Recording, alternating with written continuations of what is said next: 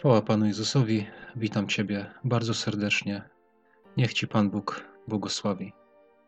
Przez ostatni czas modliłem się i zresztą zawsze tak czynię i prosiłem Pana Boga, żeby mi pokazał, czym się mam podzielić, co mam nagrać, bo nie chcę nagrywać tego, co ja uważam za stosowne, czy bo jest naprawdę wiele tematów, mm, które można by robić jakieś nagrania, a ja po prostu chcę się dzielić tym, co jest konkretnie potrzebne i, szukam u Boga tego właśnie prowadzenia, żeby, żeby mnie kierował, żebym pokazywał, e, na jaki temat mam robić nagranie.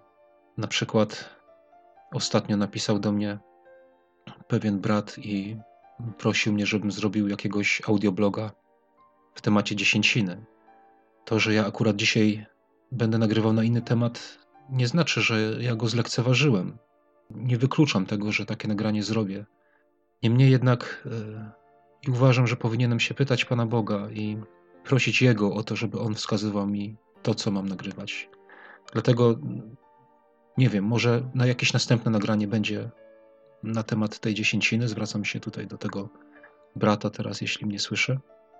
E, nie lekceważę, nie zapomniałem, ale mm, w ubiegłym tygodniu Pan Bóg włożył mi do serca właśnie to, czym będę się dzielił dzisiaj. Nie wiem, może właśnie tego ktoś potrzebuje. Nie chcę tego właśnie jakoś osądzać sam z siebie, ale chcę po prostu nagrywać to, co jak uważam, Pan Bóg mi pokazał i czym mnie dotknął. Otóż ostatnio czytałem sobie trzecią księgę Mojżeszową. Powiem od razu, że nie jest to księga, że tak powiem, e, jakaś tam pełna akcji. Powiem, że jak się nawracałem, jak zacząłem czytać Biblię, na samym początku, jeszcze nawet e, tak jakby przed moją pokutą, przed moim pamiętaniem, ale w ogóle jak zacząłem czytać Biblię, to na trzeciej księdze Mojżeszowej, no tak się zniechęciłem, że chciałem w ogóle zrezygnować. Pierwsza księga Mojżeszowa jest bardzo ciekawa, tam jest wiele, wiele rzeczy się dzieje. W drugiej też jeszcze, chociaż ta końcówka już też się zaczyna robić taka bardzo e, ciężka, powiem tak może. Natomiast trzecia księga Mojżeszowa to już jest taka no można by rzec nawet nudna. Niemniej moje podejście do Słowa Bożego, do Biblii jest takie, że to wszystko powiedział Pan Bóg.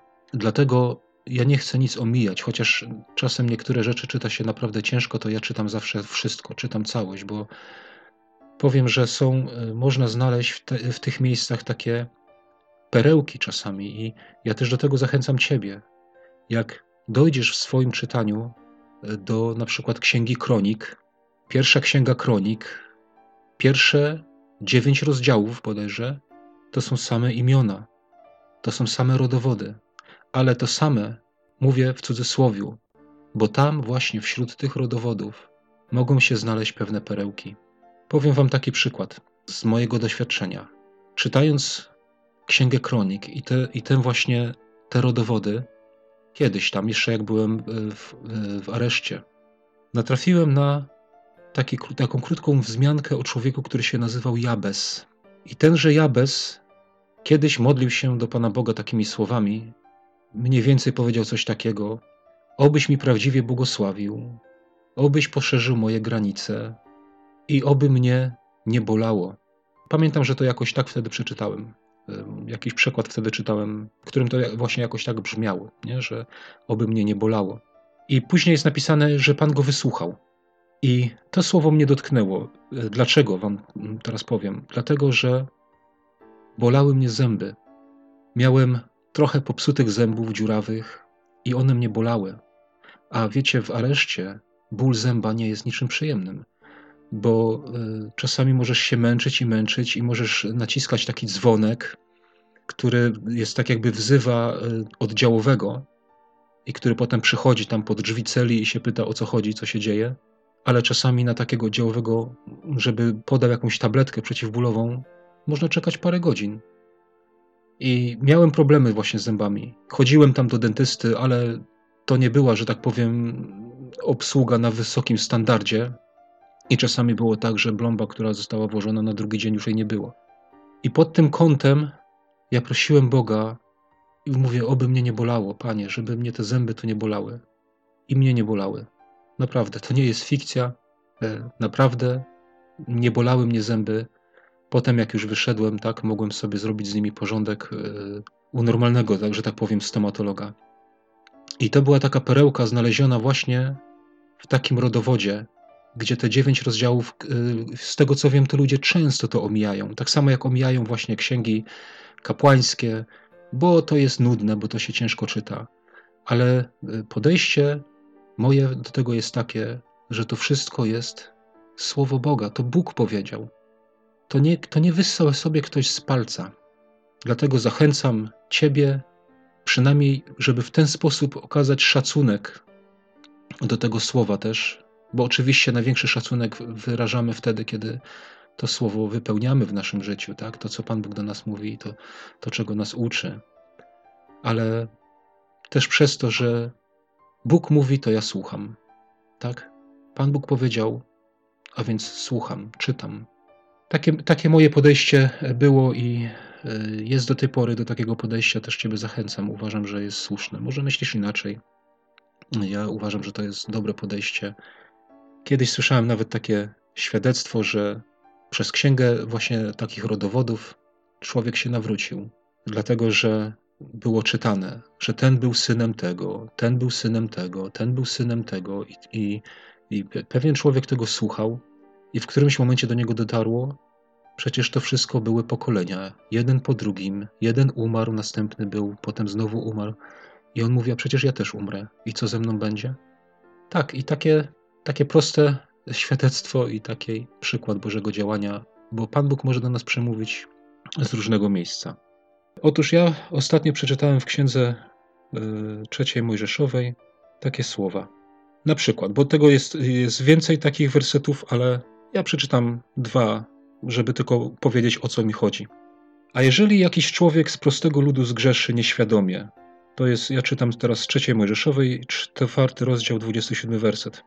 Wykraczając przeciwko jednemu z przykazań pańskich, których e, przekraczać nie wolno, i ściągnie na siebie winę, a potem uświadomi sobie swój grzech, który popełnił. Złoży jako swoją ofiarę kozę, samicę, bez skazy za swój grzech, który popełnił. Ale tym takim punktem mm, odniesienia tutaj są te słowa, a potem uświadomi sobie swój grzech, który popełnił. Uświadomi sobie, potem uświadomi sobie. E, dlaczego to jest takie ważne? Bo Pierwsze czytamy, że człowiek z prostego ludu zgrzeszy nieświadomie, tak? a więc zrobił coś nieświadomie, bezwiednie i nie wie o tym, że zrobił coś złego, tak? Ale za jakiś czas, powiedzmy nawet, uświadomi sobie, czy pod wpływem nauczania, czy pod wpływem czytania Biblii, na przykład, e, widzi, że robił coś źle i że powinien to zmienić, tak? I, I Duch Święty przekonał go w tym momencie, że popełnił grzech tam, to wtedy, jak sobie to uświadomi, tak, to tutaj jest napisane, to jest oczywiście trzecia Mojżeszowa, e, że składa ofiarę. I jak to przeczytałem, ja zawsze czytam Biblię, najczęściej e, czytam rano, jak wstanę, to pierwsze co, to zawsze siadam sobie i tak przy, pijąc poranną kawę, czytam Biblię. I jak to przeczytałem rano, to później, jak pojechałem do pracy, to do mojego serca wpadła myśl, Wierzę właśnie, że to Pan Bóg ją tam włożył. Później jeszcze włożył w moje serce inne rzeczy, ale pierwsza taka myśl, właśnie to, to co mi Pan Bóg włożył, to, jest, to była myśl, którą kiedyś też miałem, którą już kiedyś Pan Bóg do mnie przemówił. E, I to było tak, jakby było przypomnienie takie. A myśl ta brzmiała tak: Jeżeli nie przekonuje cię o grzechu, to go nie wyznawaj. Mniej więcej coś takiego. Ja kiedyś muszę znowu wrócić, tak, bo to były początki mojego nawrócenia i, i no, muszę wracać do tego miejsca, w którym kiedyś byłem, tak, że, a że to się działo e, no, w zakładzie karnym, no to, tam, no to tam wtedy byłem. No nie potrafię tego ominąć po prostu, tak. Właśnie jeszcze wtedy, jak, jak tam byłem w tym zakładzie i, i to zawsze też e, wieczorem, jak się kładłem spać, to leżałem, odwracałem się zawsze tak e, do ściany, tak, nas było tam ileś ludzi w tej celi, więc więc ja obracałem się do ściany na swoim łóżku i tam przykrywałem się kołdrą i kołdrą, kocem i modliłem się do Boga. I zawsze pamiętam, że to była taką, taką moją praktyką było to, że ja zawsze tak jakby cały dzień śledziłem i przepraszałem Boga za to, za to, za to, za rzeczy, które, które, za które normalnie nie trzeba, tak? Ale ja miałem jakiś taki obraz stworzony. Nie wiem skąd ten obraz się wziął, e, czy też poprzez jakieś, e, może jakieś nauczanie, jakieś rzeczy, które czytałem, nie? że Bóg to jest taki święty, że, że w ogóle, a my to jesteśmy grzesznikami. Ja nie wiem, wiecie, skąd taki obraz mi się wziął w, w głowie mojej, ale, ale zawsze ja szukałem, przepraszałem Pana Boga za byle jakieś rzeczy, które są po prostu nieważne, na które Pan Bóg zupełnie inaczej patrzy niż nam się wydaje, niż mi się wydawało, tak? Wiecie, gdzieś tam z kimś na przykład y, y, zażartowałem, na, na, przykład, no i potem leżałem, przypomniało mi się to w łóżku, że ja zażartowałem i ja przepraszałem Boga za to, że z kimś tam zażartowałem. I to trwało jakiś czas ja jakiś czas to tak praktykowałem, że tak powiem, coś takiego, takie wyznawanie grzechów. Y, wiecie, ja w ogóle byłem takim, nie wiem, może ktoś z Was też jest taki, może też ma, ma coś takiego, może coś takiego przeżywa, czy, czy takie ma podejście, ale ja patrzyłem na Pana Boga jako tak, że ja muszę być po prostu, nie wiem jak to nazwać, że ja muszę być naprawdę taki święty, taki, taki bez skazy. I to mnie prowadziło do tego, że nie uśmiechałem się, czy tam nie, może, że nie, że się nie uśmiechałem, ale, ale unikałem tego, żeby się śmiać, bo to, bo to niby jakaś taka cielesna radość, tak. E, unikałem tego, żeby jak na przykład drzemka mnie łamało spanie po południu na przykład, to unikałem tego, że nie mogę, nie mogę się zdrzemnąć, nie mogę spać, bo to przecież jest strata czasu, ja muszę w tym czasie czytać Biblię.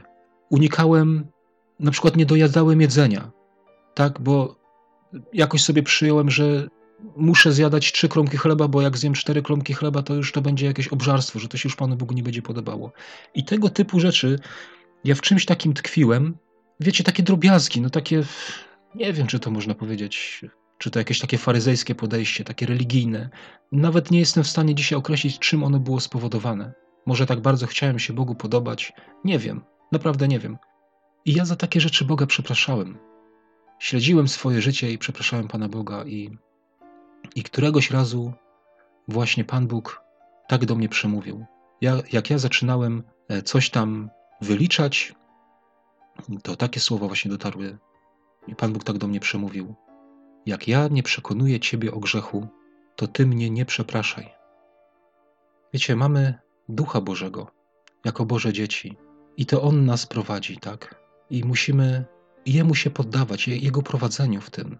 Gdzieś nawet są takie nauczania, nawet się z czymś takim kiedyś zetknąłem, z takim nauczaniem, nie? Że, że właśnie musimy każdego dnia wyznawać swoje grzechy, że, że musimy każdego dnia, no nie chcę powiedzieć pokutować, tak? bo to może nie brzmi zbyt dobrze, nie? ale że właśnie musimy tak się i uczyszczać się każdego dnia i, i wyznawać właśnie swoje grzechy, żeby się Panu Bogu podobać. Nie wiem, może jesteś pod wpływem takiego nauczania e, i może też masz takie podejście, to chcę ci powiedzieć, że nie musisz tego robić, tak?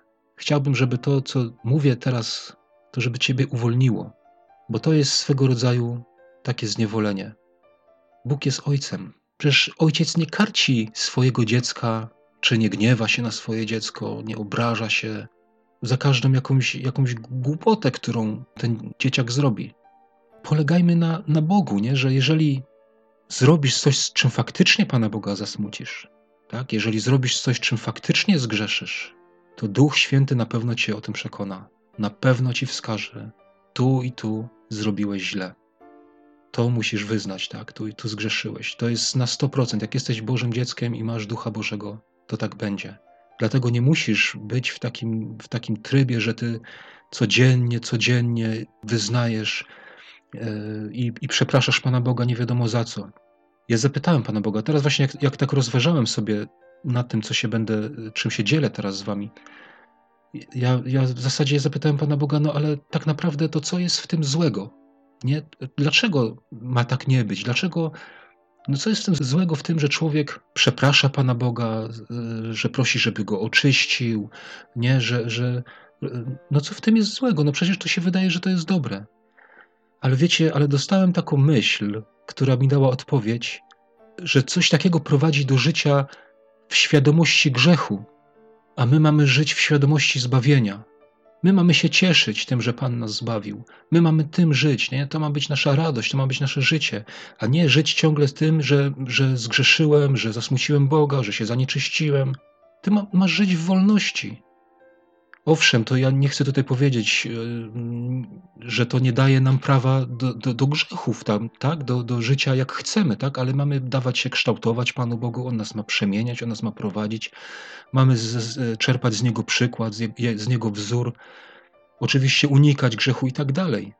Tak? Ja, ja, ja myślę, że to jest zrozumiałe, ale mamy żyć w świadomości zbawienia, bo e, lepiej jest dziękować Bogu za Jego zbawienie, za, za to, czym nas obdarował, tak, za to, że nam dał życie wieczne, że przebaczył nam nasze winy, że, że po prostu nas zrodził na nowo. I w, ty, w tej świadomości mamy żyć. I, I w tym, że jesteśmy Jego dziećmi. Jan na przykład napisał takie słowa w swoim liście, e, pierwszy list Jana 3,21. Napisał, umiłowani, jeżeli nas serce nie oskarża, możemy śmiało stanąć przed Bogiem. A więc jeżeli serce mnie nie oskarża, to mogę stawać śmiało przed Bogiem, tak? Jeżeli mam w sercu pokój, to mogę śmiało stawać przed Bogiem. Nie muszę e, tutaj przyjmować takiej postawy takiego grzesznika cały czas. Kolejne miejsce to jest też pierwszy list Jana, ale pierwszy rozdział i siódmy wiersz.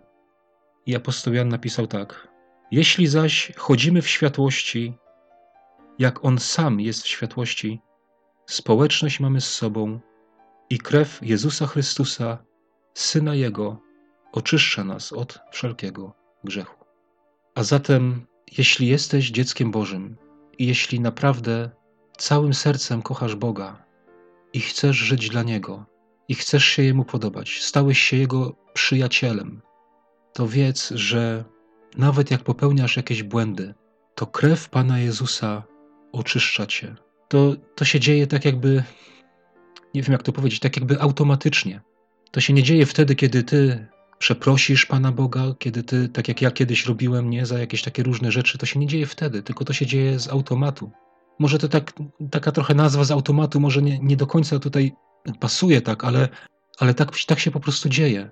Dlatego, że my sami nawet nie wiemy, my nawet nie mamy pojęcia sami, nie mamy tego świadomości, jak wiele rzeczy my robimy, że tak powiem, wobec Boga źle, w jak wielu miejscach, w sytuacjach naszego życia moglibyśmy być winnymi. Po prostu nie, nie, nie zdajemy sobie nawet z tego sprawy.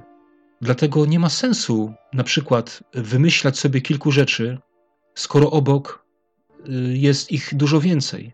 Nie? Dlatego ja powtórzę, to nie chodzi o to, że, jak, jak, że możesz robić co chcesz, tak? nie? Ale jak poznałeś Pana Boga naprawdę i całym sercem chcesz iść za Nim i całym sercem chcesz Go naśladować i żyjesz w światłości, tak jak to jest napisane, nie? jak chodzimy w światłości, jak On sam jest w światłości, czyli czym jest ta światłość? No to jest to, jest to nauczanie Pana Jezusa, nie? On przyniósł to światło.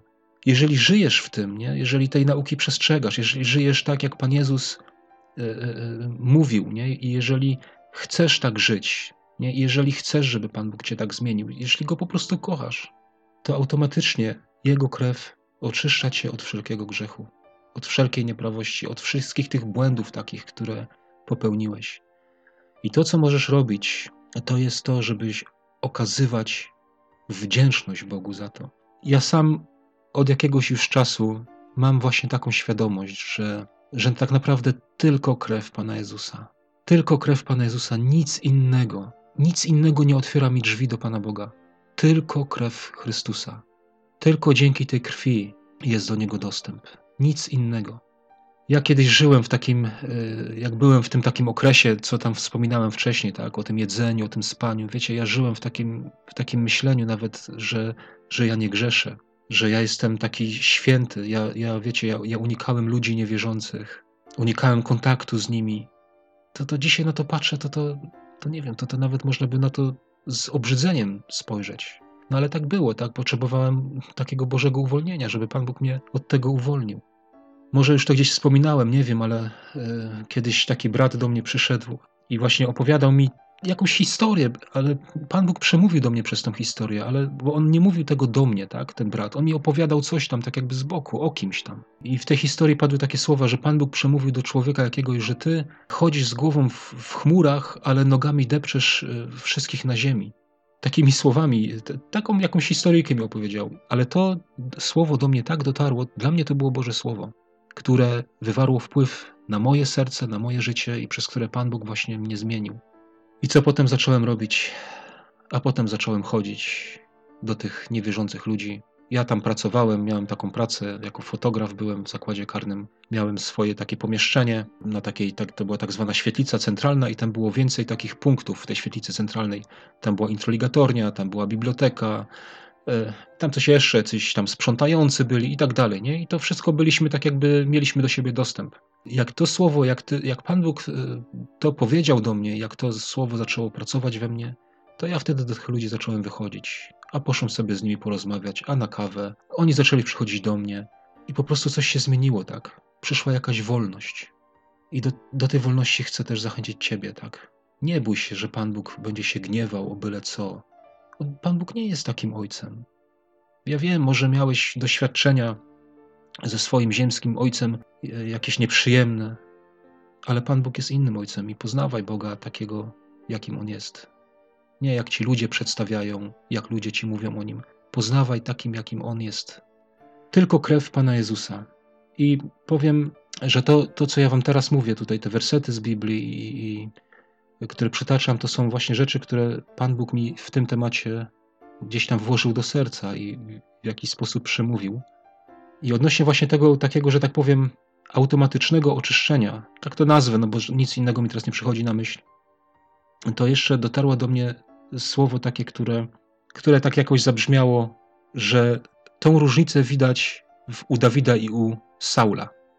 I chciałem to przytoczyć teraz. Dwie takie sytuacje z życia Dawida i Saula. Ci dwaj królowie zgrzeszyli, uczynili coś wbrew Słowu Bożemu. Ja nie będę całych tych historii czytał. Wiemy, że Dawid, y, grzech Dawida, który mamy opisany w Biblii, dotyczy się Batrzeby.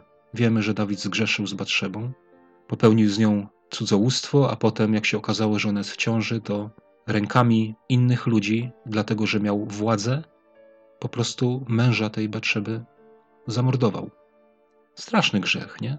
I drugi, Saul, zgrzeszył też. E, zgrzeszył tym, że jak Pan Bóg kazał mu iść wytępić wszystkich Amalekitów, dosłownie wszystkich, Pan Bóg mu rozkazał, bydło, wszystko, wszyściutko, kompletnie nic nie miało ocaleć, to wiemy, że Saul tego nie zrobił. Tak? Zostawili tam owcy, kozę, to co takie było najlepsze niby nie? w ich mniemaniu. Można by powiedzieć, że ten grzech Saula no, swoją rangą może był mniejszy niż ten grzech Dawida, tak? bo tu, tutaj cudzołóstwo, morderstwo, no tutaj tylko zostawili zostawili tylko, y, prawda, ten, ten, te owce i tego króla tam nie zostawili przy życiu. Ale główny punkt jest w tym, że y, jak Samuel przyszedł do Saula, ja może to teraz przeczytam, to jest taki dłuższy fragment, pierwszej księgi Samuela z 15 rozdziału, od 13 wiersza przeczytam. To jest dłuższy fragment, no ale, ale przeczytam, no niech to ma jakiś, jakiś obraz.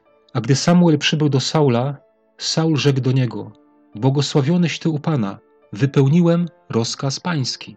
Samuel zaś rzekł, a co to za beczenie owiec, które dochodzi do moich uszu i ryk bydła, który słyszę? Saul odrzekł, od Amalekitów je przyprowadzili, ponieważ lud oszczędził najlepsze sztuki z owiec i z bydła, aby je ofiarować Panu, Bogu Twojemu. Resztę jednak wybiliśmy do nogi. Rzekł wtedy Samuel do Saula, przestań, oznajmię Ci, co Pan powiedział do mnie tej nocy. A ten odrzekł, powiedz. Więc Samuel powiedział, czy nie jest tak, że chociaż we własnych oczach wydałeś się sobie mały, zostałeś naczelnikiem plemion izraelskich i Pan namaścił cię na króla nad Izraelem? Następnie kazał ci Pan wyruszyć w pole, mówiąc: Idź i wybij do nogi grzeszników, Amalekitów, i walcz z nimi, aż ich wytracisz. Więc dlaczego nie usłuchałeś głosu Pana, lecz rzuciłeś się na łup i uczyniłeś zło przed Panem?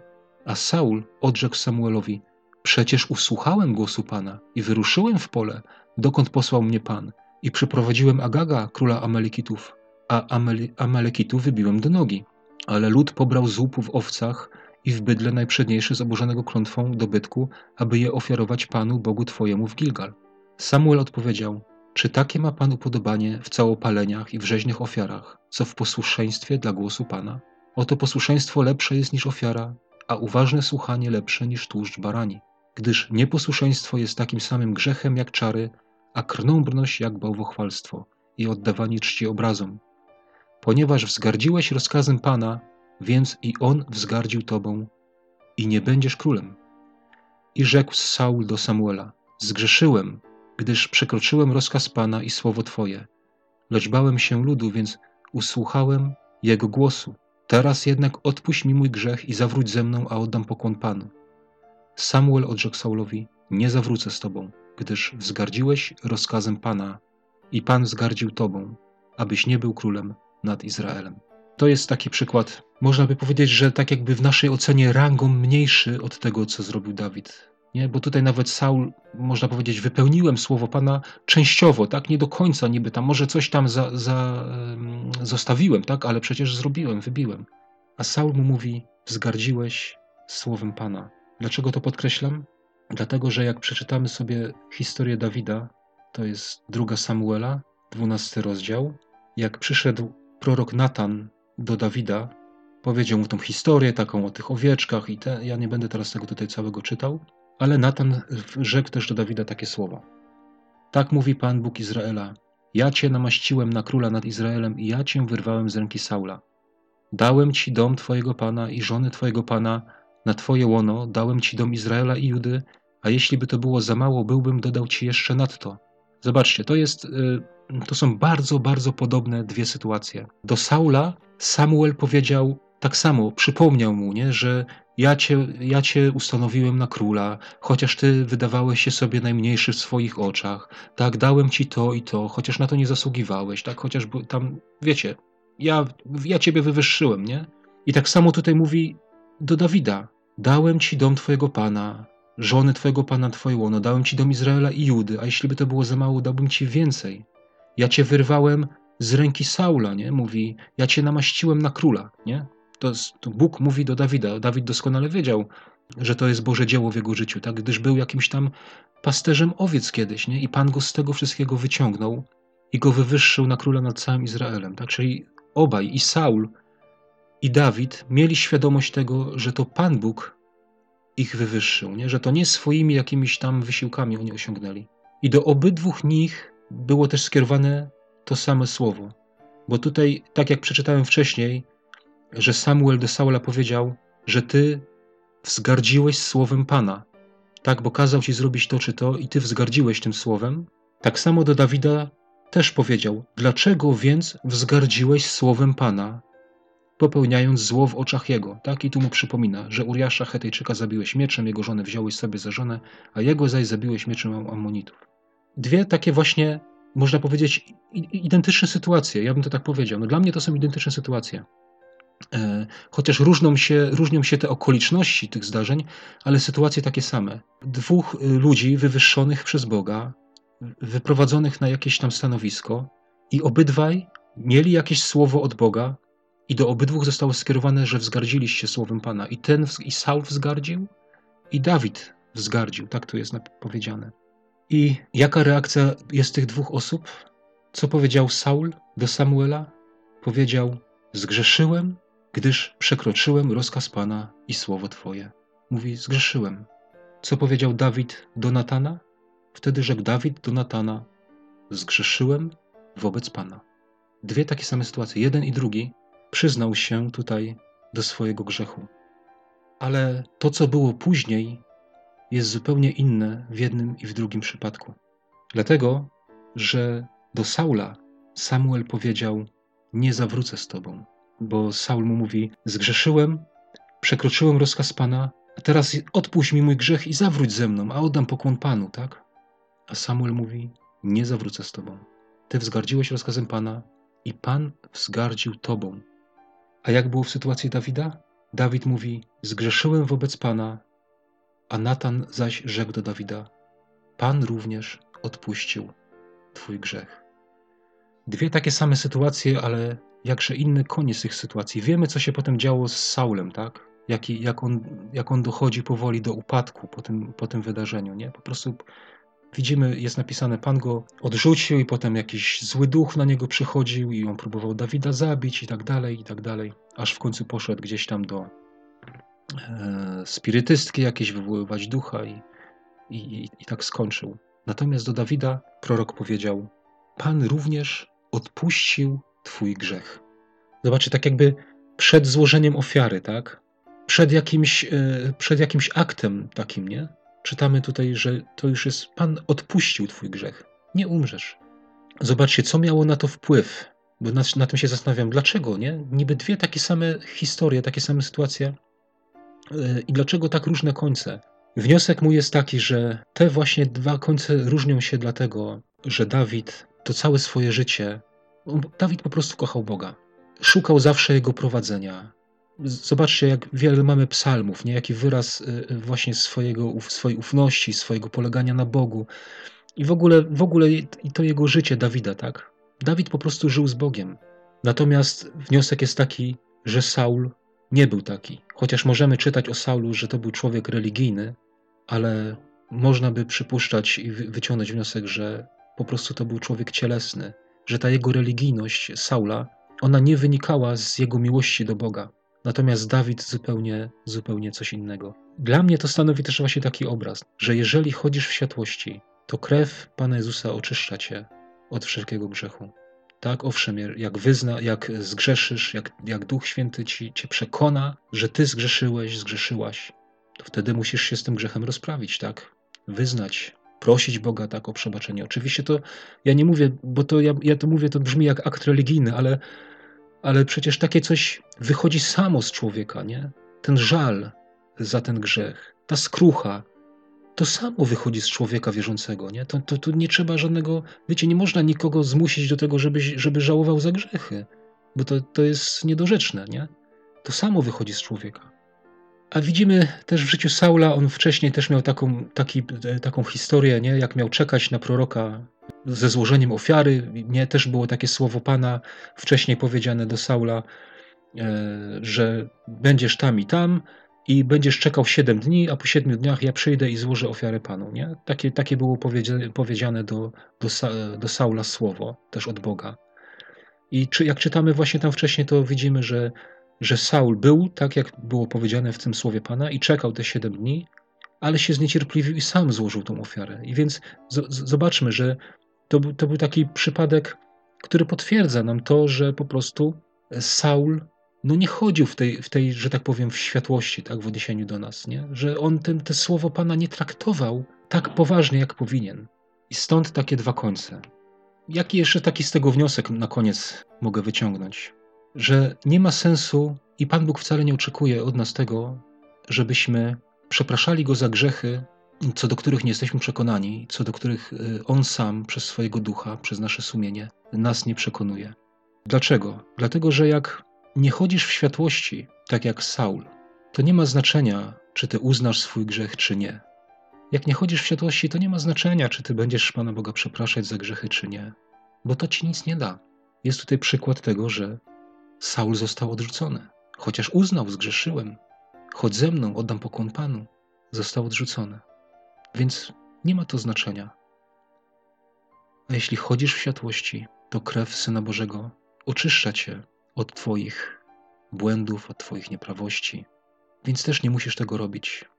Ja nie chcę, żeby to zabrzmiało, y, ja to powtórzę, nie chcę, żeby to zabrzmiało, że nie musisz wyznać grzechu ale ja chcę powiedzieć, że żeby wyznawać grzechy i przepraszać Boga za grzechy, to wtedy, jak Duch Boży o tym cię przekona, wtedy to ma sens. Inaczej to nie ma sensu. I Bóg wcale tego nie oczekuje.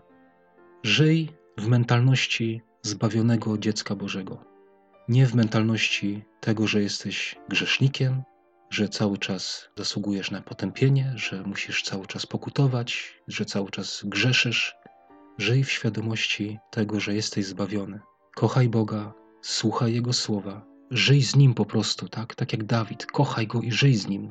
A jak zgrzeszysz, Duch Święty Cię przekona i wtedy Twoja pokuta nie będzie aktem religijnym, ale to będzie coś, co naprawdę będzie wypływało z Twojego serca.